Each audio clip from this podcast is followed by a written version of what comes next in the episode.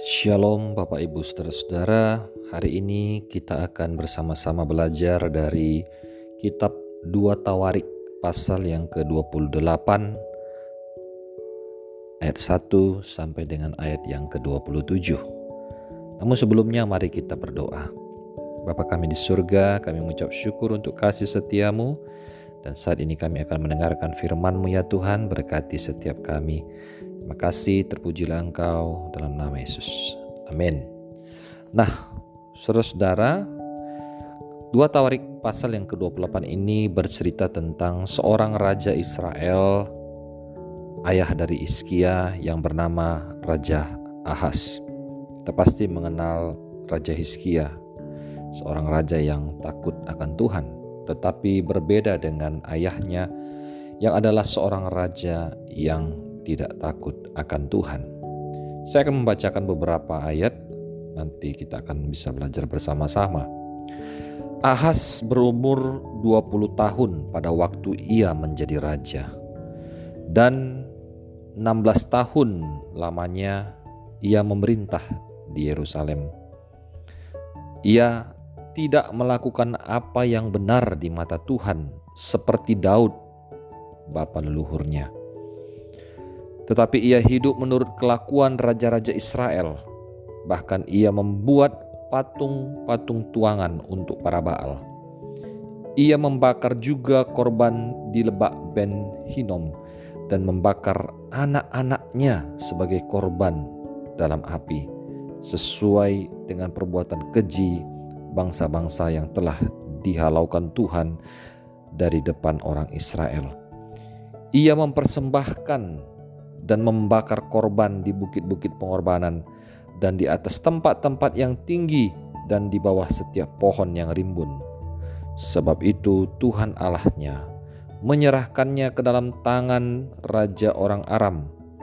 Mereka mengalahkan dia dan membawa banyak orang daripadanya yang diangkut ke Damsik. Kemudian ia diserahkan pula ke dalam tangan raja Israel dan mengalami kekalahan yang besar. Raja Ahas adalah seorang raja yang jahat, seorang raja yang tidak takut akan Tuhan. Dan seperti yang kita baca tadi, bahwa Raja Ahas akhirnya dihukum oleh Tuhan. Tuhan menyerahkan raja ini ke dalam tangan Raja Aram dan juga bahkan tangan Raja Israel. Dia mengalami kekalahan yang besar apa yang dapat kita pelajari di sini? Bahwasannya Raja Ahas diberikan kesempatan oleh Tuhan untuk menjadi raja memerintah bangsa Israel. Bangsa Israel adalah umat pilihan Tuhan, tetapi Raja Ahas tidak menjadi seorang pemimpin yang baik. Justru malah dia melakukan apa yang Tuhan benci, apa yang Tuhan tidak inginkan, sehingga kesempatan yang diberikan Tuhan itu hilang dan akhirnya Raja Ahas dihukum oleh Tuhan. Sebagai anak Tuhan, kita perlu belajar bahwa Tuhan memberikan banyak kesempatan kepada kita, anugerah kepada kita. Tetapi apakah kita menghargai setiap kesempatan ataupun anugerah dan kebaikan Tuhan itu? Atau justru malah sebaiknya kita melakukan apa yang jahat di mata Tuhan? Kita perlu bertobat jika kita melakukan yang jahat pada Tuhan dan berbalik kepada Tuhan. Jangan sampai kita seperti Raja Ahas yang tidak mau bertobat sampai akhir hidupnya dan pada akhirnya dia mengalami yang namanya kekalahan yang besar hukuman daripada Tuhan. Dan berikutnya saya akan kembali membacakan ayat yang ke-16 dan seterusnya Hal yang kedua yang bisa kita pelajari dari cerita ini, pada waktu itu Raja Ahas menyuruh utusan kepada Raja negeri Asyur untuk memohon bantuan. Di sini kita melihat Raja Israel, Raja umat pilihan Tuhan, tidak mengandalkan Tuhan, tidak berseru dan meminta pertolongan kepada Tuhan, malah justru meminta kepada Raja negeri Asyur yang tidak mengenal Tuhan.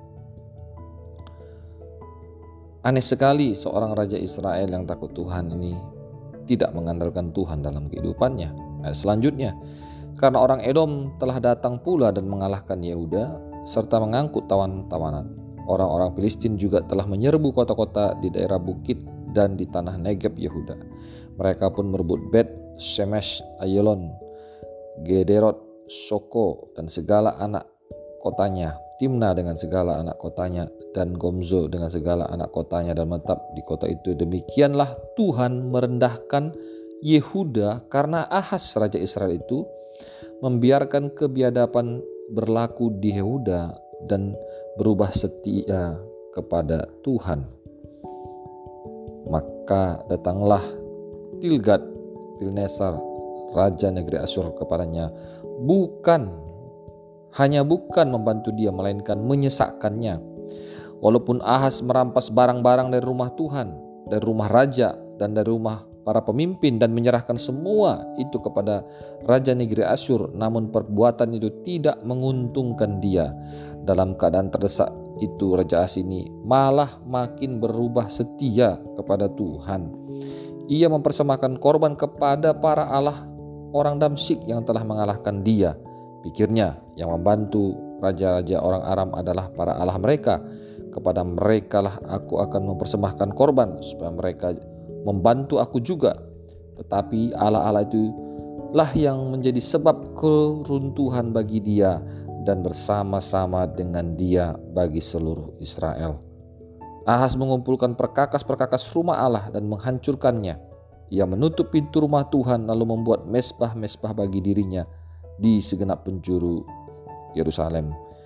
Di tiap-tiap kota di Yehuda ia membuat bukit-bukit pengorbanan untuk membakar korban bagi Allah lain. Dengan demikian ia menyakiti Tuhan Allah nenek moyangnya. Kita melihat di sini Ahas adalah seorang yang mengandalkan manusia bahkan dia menyakiti hati Tuhan tetapi apa yang dia dapatkan ketika dia mengandalkan Raja Asyur. Justru Raja Asyur tidak menolongnya, bahkan justru Raja Asyur itu menyesakkannya. Dan malah lagi ia beralih juga kepada Allah orang Damsyik. Juga tidak bertobat-bertobat tetapi justru selalu membuat Allah semakin kecewa kepadanya, marah kepadanya, menyakiti hati Tuhan. Dan karena ketidakpertobatannya itu akhirnya dia menuai apa yang dia dapatkan.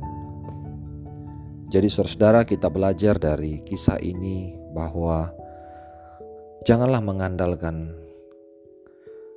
yang bukan dari Tuhan. Kalau kita sedang terdesak, kalau kita butuh bantuan dan lain sebagainya, tetap andalkan Tuhan.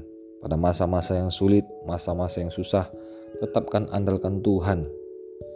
Jangan andalkan kekuatanmu sendiri, manusia, atau siapa pun, tetapi andalkanlah Tuhan.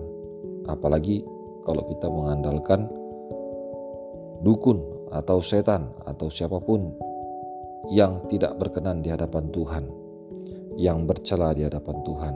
Oleh karena itu, mari kita senantiasa tetap mengandalkan Tuhan. Oleh karena itu Bapak Ibu Saudara biarlah renungan firman Tuhan ini menjadi ingatan bagi kita untuk ketika kita jauh dari Tuhan, meninggalkan Tuhan dan berubah setia daripada Tuhan. Ingatlah akan Tuhan kembali dan tetaplah setia kepada Tuhan. Janganlah berubah setia kepada Tuhan oleh karena masalah apa pun, tetaplah setia. Dan satu lagi, mari kita tetap terus ingat Tuhan. Sejauh apa pun kita, kasih karunia Tuhan tetap terus terbuka atas kehidupan kita. Kembalilah dan bertobat dan percaya kepadanya. Tuhan memberkati. Kita berdoa. Tuhan, terima kasih untuk renungan firman ini. Biarlah firman ini mengubah setiap kami. Terpujilah Engkau dalam nama Yesus. Amin.